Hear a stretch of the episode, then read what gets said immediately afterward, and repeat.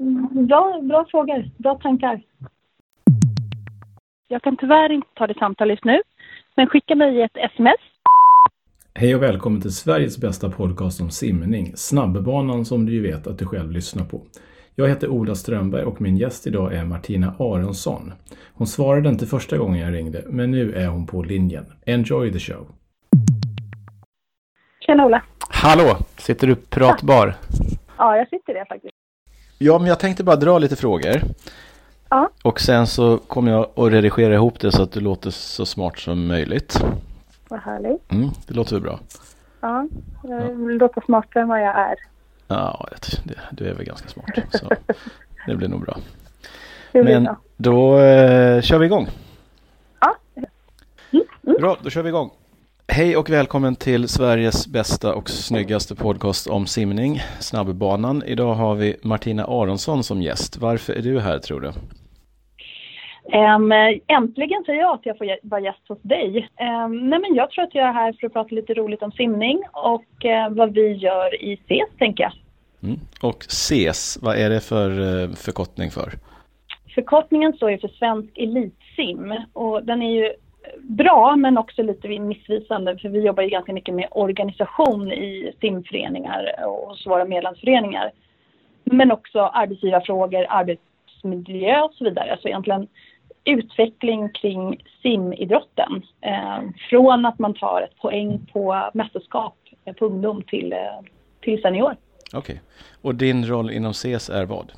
Jag är ordförande sedan fyra år tillbaka, eh, så jag är inne på eh, femte året nu och vi har en styrelse som är både nära föreningslivet idag och sen är det ett par som har, eh, är lite utanför föreningslivet. Vi är en blandad styrelse. Vilka simklubbar är det som är med i SES? Är det just elitklubbar bara och vad är i så fall definitionen på elit eller kan alla vara med? Alla som har tagit poäng på, från Sundsim och uppåt kan man säga. Ehm, vi gjorde om stadgarna för två och ett halvt år sedan eh, och det betyder att alla kan söka medlemskap i CS om man har tagit poäng, poäng då på ett eh, ungdomsmästerskap. För vi tänker så här att har man en simmare som simmar sumsimma uppåt då har man en organisation kring tävlingssimning och det är de medlemsföreningarna som vi vill komma åt. Ehm, från början när, när vi bildades 1987 då var det ju just 20 bästa föreningarna. Ja. Och hur många medlemmar är ni nu? Vi är 54 medlemmar idag. Mm. Eh, så det är en häftig siffra och en stark organisation. Mm, det är bra. Och hur många klubbar är det som tar poäng? Ungefär. Det är lite, ja men precis, säg att det är mellan 80 och 100 ska jag säga. Okej. Eh, Det beror på lite grann från vilket år till eh, om det går, ja var det går och så vidare. Så, men mellan 80 och 100 klubbar tar poäng. Och, om man då pratar svensk elitsimning i ett lite större perspektiv. Du har varit med länge inom simning på jättemånga olika nivåer. Årets simtränare och ledare, simmare och allt möjligt man kan tänka sig. Vad, Mm. vad är vi bra och dåliga på i Sverige jämfört med eh, världen om man tar det stora perspektivet, tror du nu? Oj, vilken stor fråga. Mm. Ehm, jag tänker att vi är ju fantastiskt bra för att vara den storlek vi är på landet. Ehm, jag tycker att vi, vi tar vara på att vi har en bra simkultur eh, som gör att det kommer nya stjärnor ehm, hela tiden ska vi säga och, och många är på väg upp nu. Ehm, så jag tycker att vi har en fin simkultur. Ehm, jag tycker att vi har otroligt bra kring eh, tränarroller. Vi har många anställda ute i före- för- i föreningarna. Och det tror jag är, både unikt för idrotten i Sverige men också lite grann om man jämför internationellt. Att vi har många anställda tränare oavsett om man är en ganska liten förening eller en stor. Ehm, så det tror jag är styrkorna. Jag tror att vi har flera olika utvecklingsområden så som att vi kan jobba mycket bättre eh, från starten tror jag. Eh, ungdomsåren, junioråren. Att man fokuserar där mycket tydligare och tillsammans med eh, med egentligen styrt från Svenska simförbundet, tänker jag. Det finns ju simlinje som har lagts mycket tid och kraft på. Följs den?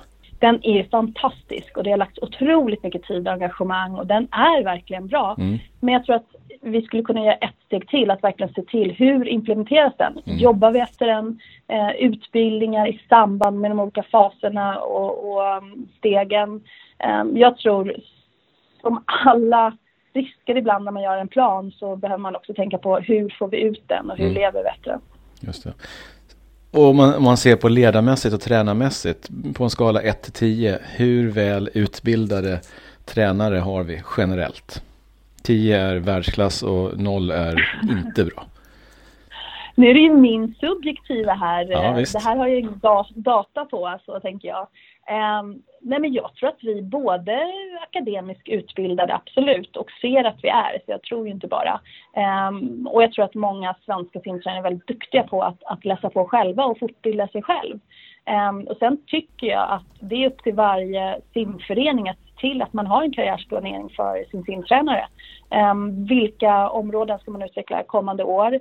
Um, vilka interna kurser har vi inom förbundet eller distriktet och vilka externa kurser uh, ska, man, ska man gå och, fortbilda sig med? Um, så att skala säger du. nej, men jag tycker vi kan bli mycket bättre, så sjua. Mm. Finns det, det borde jag veta men det vet jag inte, finns det något krav på att ha en viss nivå av utbildning om man är elittränare? Om inte borde det finnas? Ja, nej men alltså det finns det ju. Sen vet jag inte, kan jag inte säga exakt hur den efterlevs eftersom jag jobbar operativt inom eh, simidrotten idag. Mm. Um, men men det, det, det lyfter vi alltid på våra medlemsmöten att man, man tittar på att det är en licensierad tränare. Mm. Och sen hur simförbundet exakt jobbar med den eh, delen så den tar, får simförbundet svara ja. på. Mm.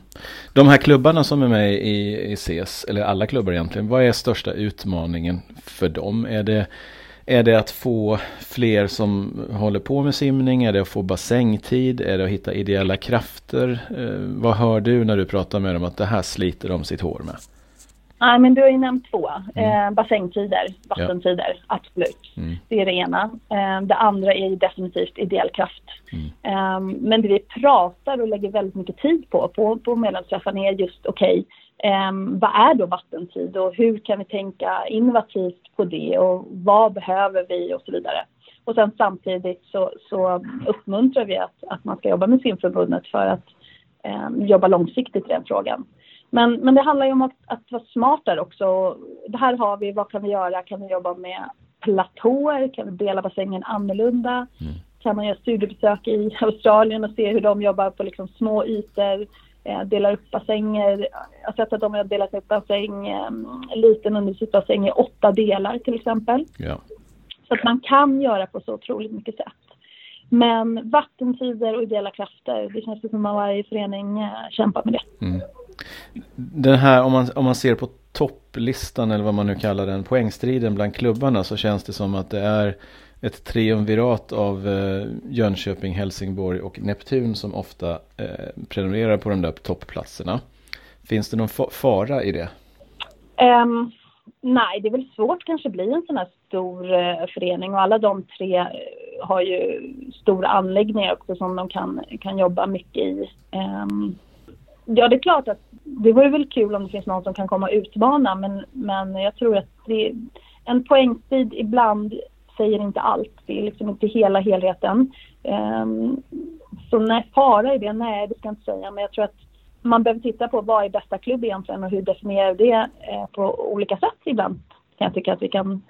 Vi behöver inte gå på det gamla som har varit alltid att ta poäng. Vad kan vi hitta på ett nytt sätt eh, och se Ja, men tänker jag. Eh, för man, man kan ju gå in för det eller man kan ju välja att simma på kvalitet. Just det. det är två olika sätt att, att, att se en SM-tävling. Mm.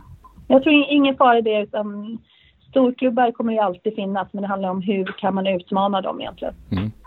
För att få fler att börja simma och fortsätta, måste man ändra någonting i själva definitionen av simning, simtävlingar, regler, eh, de delarna, tror du? Absolut. Mm. Ehm, vi har ju uppmuntrat, eller vad säger man, påverkat simförbundet i att eh, titta på just Um, simidrott för alla, vad gör vi i, i den tidiga tävlingsdebuten? Mm. Hur kan vi göra annorlunda simtävlingar? Um, basketförbundet, innebandyförbundet, fotbollsförbundet, hockeyförbundet, alla har ju annorlunda tävlingar i yngre åldrar. Yeah. Uh, jobbar med annorlunda spelplan, uh, antal spelare och så vidare. Simningen gör ingenting. Från mm. första tävlingen till sista så ska, oavsett om man är OS-simmare eller semiadensimmare, så är det samma regler som gäller.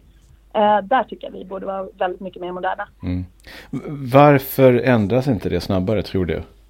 Eh, jättebra fråga. Um, I fina regler så står det ju att age group swimmers can be um, ruled by other rules. Mm. Um, så det är upp till varje nation att, att bygga den här age group-simningen på sitt sätt. Um, ja, vi har bland annat pratat om att varför ska man diska simmare under 12 år och så vidare. Kan man eh, ta ett kort i handen och ge till tränaren på ett annat sätt? Vad, vad utvecklar liksom eh, våra unga simmare och hur får vi dem att stanna längre i vår idrott? Som inte väljer då fotboll, eh, innebandy eller något som går snabbare, roligare. Mm. Utan hur får vi dem att stanna kvar i vår idrott? Eh, och både du och jag har ju varit på simtävlingar en fredag till söndag eh, som förälder och det är utmanande. Mm, ja men intressant. Jag tror ju också just den här ny, nya tävlingsformer att testa och inte ta det så jäkla allvarligt. Men jag tror det verkligen och där tycker jag vi ska utmana oss själva. Ja, vi, är vi kvalitativa som tävlingsarrangör mm. arrangör, eller vill vi bara tjäna pengar? Mm. Men jag tänker det är dags att vi liksom eh, går lite grann från ord till handling, att vi tar ansvar själva som eh, arrangörsförening och gör någonting eh, bra utav det och testar olika varianter. Jag vet att Laxen har gjort det, jag vet att um, Lund Poseidon mm. har gjort det också. Um, så man liksom testar uh, varianter in under 12 år. Um, verkligen göra annorlunda och göra det kvalitativt. Um, för att vi vill att de ska välja vår idrott, inte välja bortsimning efter två gånger i veckan-grupperna. Nej, exakt. Är det, om man, om man fortsätter att prata om barn och ungdomsidrottsdelen, SumSim är ju ett mm. varumärke som i alla fall inom simkretsar är untouchable. Är det fortfarande tidsenligt att ha ungdomstävlingar som är så hypade och är så utslagsgivande i dagens samhälle? Det där skulle jag kunna prata om flera timmar för det är ju så intressant. Mm. För hur många simmare har vi inte sett på SumSim-åldrar som har dominerat och som inte kommer vidare? Mm. Um, så absolut, det är superintressant. Men jag tror det handlar om eh, vem har du som ledare på kampen? Mm. Vem pratar långsiktig planering och vem pratar att det här är ett steg på vägen? Och som inte håsar varje år som om att det vore det sista mm. och det enda som gäller. Uh, så återigen så backar jag tillbaka till vilken ledare har på kampen. Eh, det finns de som har varit stumfilmstjärnor och lyckats. Men det finns tyvärr ofantligt många som inte eh, kommer vidare från stumfilmåren. Mm. Det handlar egentligen kanske inte så mycket om tävlingen i sig utan om hur man, hur man approcherar och använder den. Jag tror det. Alltså jag tror Sumsim är ett fantastiskt varumärke. Ja. Tävling som liksom, den, den går inte att rubba utan det handlar om vad vi gör, eh, både förbundet självklart men med föreningarna och ledarna. Mm. Hur använder vi det? Mm. Bra. Om man tittar lite på din, din simkarriär, var det naturligt och självklart för dig att gå vidare som ledare och tränare? Åh okay. mm. oh, nej, jag tänkte säga. Okej, okay, tänkte jag. nej, alltså det var inte självklart alls. Um, nej, verkligen inte. Jag läste ekonomi när mina klasskamrater valde idrottspsykologi. Uh, så jag tänkte inte jobba med idrott eller friskvård. Um, ironiskt nog jobbar jag nu med friskvård och har jobbat med idrott i 16 år. Um, nej, verkligen inte. Men sen så var det en um, fantastisk man, Hans Kronak, som um, tyckte jag skulle hoppa på en, en roll som förbundskapten för juniorerna och bara jobba liksom, organisation och uttagning. Um, som gjorde att jag fick den chansen och jag tyckte det var så otroligt roligt att vara med och påverka. Så jag började min tränarkarriär efter det kan man säga. Om du visste det som du vet nu, då för 15 eller snart kanske nästan 20 år sedan. Vad skulle du gjort annorlunda då, som tränare? 21 år sedan, Ola. 21 till och med, jävlar. um, nej men massor, massor, massor. Jag, ibland tänker jag så här, tänk om man visste det här och det var ju likadant som när man var tränare och tänkte man, tänk om man visste det här som simmare. Mm. Eh, men det ingår väl på något sätt att man, man får göra massa misstag på vägen. Eh, och det säger jag idag med mina anställda. Det, mm. det är okej okay att göra misstag men det får inte vara för grova misstag och att man inte gör om det igen. Mm. Eh, så, jag, så jag hoppas inte jag har gjort för stora misstag eh, genom alla mina år. Eh, men jag hoppas också att jag har lärt mig av misstagen. Mm. Är det något speciellt så, som du tänker på som, ja men det där skulle vi gjort mer eller mindre av rent så här simträningsmässigt eller leda organisationsmässigt? Eh, det finns ju många saker om jag skulle gräva och verkligen fundera. Men det är klart, vi har pratat om stora trupper, små trupper eh, kring mästerskapstävlingar såsom EJM. Vad har funkat mm. bäst, vad inte funkat bäst? Så det är klart att där behöver man följa efter vad hände efter eh, junior-EM-åldrarna. Och där är klart jag ser några olika saker som jag tänker annorlunda när man har facit i hand. Mm. och sen självklart att man också ibland tidigare kanske vågade sätta tydligare mål. så att man är lite grann mer, var lite tydligare ledare i början. Mm. så sätt. Det är väl kanske det som jag tänker på när jag summerar lite grann lätt. Mm. Hade du då någon ledare eller coachförebild och har du någon nu och är det samma eller någon annan? Nej, men jag har haft några och jag har några kvar. Um, men jag tittade väldigt självklart mycket på Hans Kronak, hur han jobbade. Många delar som han är och, och var fantastisk. Uh, så han har varit en förebild för mig. Uh, jag jobbade mycket med Ulf Karlssons tankar kring lag, uh, friidrottens förbundskapten. Mm. Ehm, jag lärde mig en fantastiskt bra grej från Per Gabrielsson. Ehm, innan tänkte jag att man var ensam stark, men han sa ganska tydligt att omge dig av, av uh, rätt personer um, som i ledarstaben och det har jag lärt mig massor på. Mm. Så därifrån jag nämna tre personer uh, som jag verkligen sett upp till. Bra, då tar vi nästa podd tar vi de som du då hade som förebilder men inte längre. Det blir en mer spännande podcast. De som har puttats ner från prispallen. de nämner jag inte här. Nej, precis. Eh, vad är ditt bästa minne under ledartiden? Oj! Det där är en så kallad cliffhanger. Svaret från Martina får ni snart. Men innan det ska ni få ett tips. Vill ni ha snygga och snabba simkläder och badprylar? Då ska ni gå till tyrsverige.se och shoppa loss. Ni får dessutom 15% rabatt om ni använder koden Friends of Ola. Alltså, efter du har lyssnat klart, gå till tyrsverige.se och shoppa shoppa. jag har ju självklart så klubbminnen från SK Laxen i de här ungdomsåren när jag och min tränarkollega Annika Gustafsson, som hon hette då, eh, fick med oss 12 stumsimfinalister, riksfinalister, en liten eh, klubb från Halmstad. Mm. Eh, var helt fantastiskt till eh, de första åren i spårvägen. Det vi gjorde där från 2000 och framåt var ju fantastiskt. Um, och självklart några sådana här otroliga mästerskap såsom EJM i Linz 2002. Um, det är sånt som jag kommer bära med mig forever. Mm. Ja, häftigt. Vilken är din största besvikelse? Åh, oh, eh, nej men pratar vi resultatmässigt så är det självklart, eh, tänker jag, OS i Aten. Um, därför att det var så nära att kunna bli så himla bra uh, totalt för truppen. Vi hade två fjärdeplatser uh, med Stefan Nystrand och Therese Alshammar. Som truppmässigt så var vi så nära något fantastiskt. Um, mm. Men, men liksom summeringen av OS i Aten blev inte bra. Uh, men det är så små marginaler från att bli helt otroligt bra till att det blev rätt dåligt. Det, det är väl klart att jag bär med mig som att attans vad nära det var att bli suveränt. Mm, jag fattar. Är det, är, har du upplevt att det är någon skillnad att leda eh, tjejer och, eller killar? Um, jag skulle säga både ja och nej på den frågan. Det klassiska, det handlar ju om vilken person du är. Um, mm. ja, vilken karaktär och vilka egenskaper du bär som person. Um, så nej, varje person är ganska unik.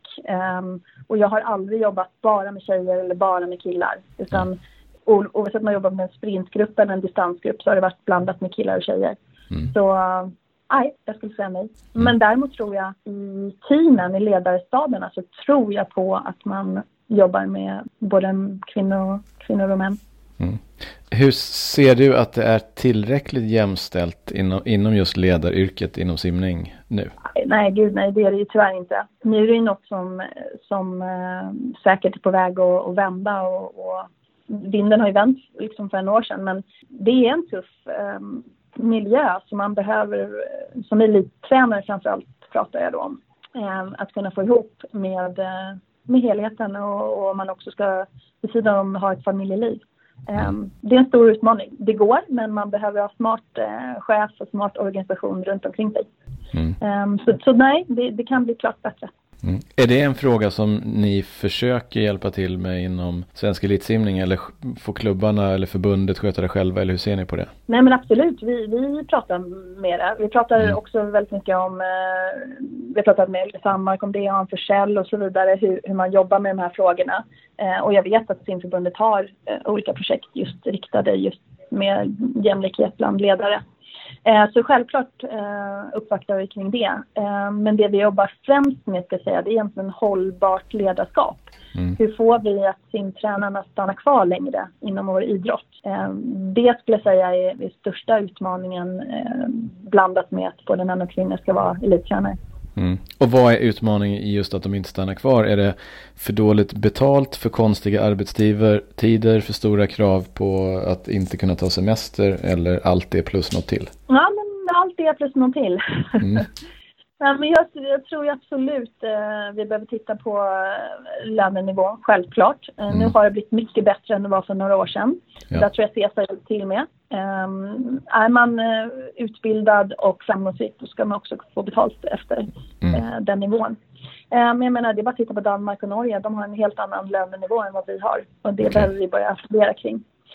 Um, nej, men jag tror att det är just det här att man känner sig ganska ensam ute i klubbarna och hur man ska tåla det här år efter år med att man kanske får inte den semester man vill ha eller jobbar helger, kvällar, morgnar och så vidare. Mm. Så jag tror att om man har en smart chef eller en smart förening så tänker man just på de bitarna. Hur, hur bygger man upp en, en organisation kring en elittränare? Mm. Det, det, är grunden för att lyckas tror jag som elitförening. Du var ju engagerad och liksom professionellt inom simningen väldigt, väldigt många år då. Eh, vad mm. fick dig att gå vidare till ett mer vanligt jobb även om du fortfarande är inom friskvårdsindustrin eller vad man ska säga? um, Nej, men jag kände väl att jag hade gjort ganska mycket inom eh, simningen. Jag hade gått egentligen från ungdomstränare till elittränare till eh, juniorlandslagstränare och seniorlandslagstränare. Så jag kände att jag hade gjort ganska mycket. och gjort det samtidigt som jag hade två barn. Mm. Eh, och jag tänkte väl så här att jag vill testa mitt ledarskap någon annanstans efter min tredje föräldraledighet. Eh, jag hade varit då 17 år inom simningen. Och då tänkte jag just att okej, okay, var, var eh, jag vill sätta mitt ledarskap någon annanstans och hur det mm. fungerar i en annan miljö. Så där är jag nu, eh, sen fem år tillbaka.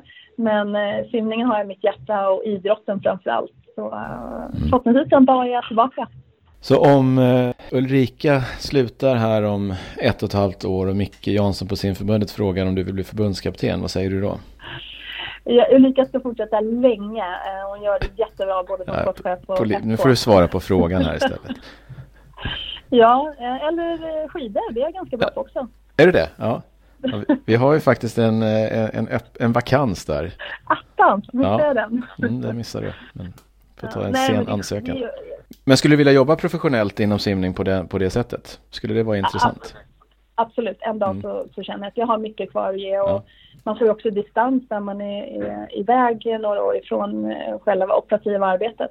Mm. Um, och det är just det som gör att det är så roligt att komma in i CES och jobba tillsammans då med ja, men Jonathan Wik, Bertola Eriksson, Cecilia Lokvist, mm. Robban Jonsson mm. och Camilla Tonseller. Att några är aktiva dagligdags och några är vid, vid sidan om. Och det blir en otroligt bra diskussion kring det um, när man är både nära idrotten och simningen och lite längre ifrån. Så att, uh, nej, men jag tror att jag har mycket att bidra med som jag är nu men också att självklart, det vill jag testa tillbaka in i idrotten en dag. Mm. Mm, bra. Bra, jag är nöjd. Har jag glömt någon fråga som du har förberett dig jättenoga på? Eh, nej, jag har inte det förberett nej. mig, men eh, sån är jag. Eh, ja. Nej, jag tyckte det var jättekul och det är roligt att få tänka efter lite grann. Så mm. bra, bra frågor, bra mm. tankar. Ja, vad skönt. Tack. Och det har vi inte kommit överens om att du ska säga, så det är faktiskt ärligt från magen. Alltid från mig, från eh, hjärtat och magen. Ja. Bra. Bra Martina, jag är jättenöjd. Tack så mycket. Ja, men tack.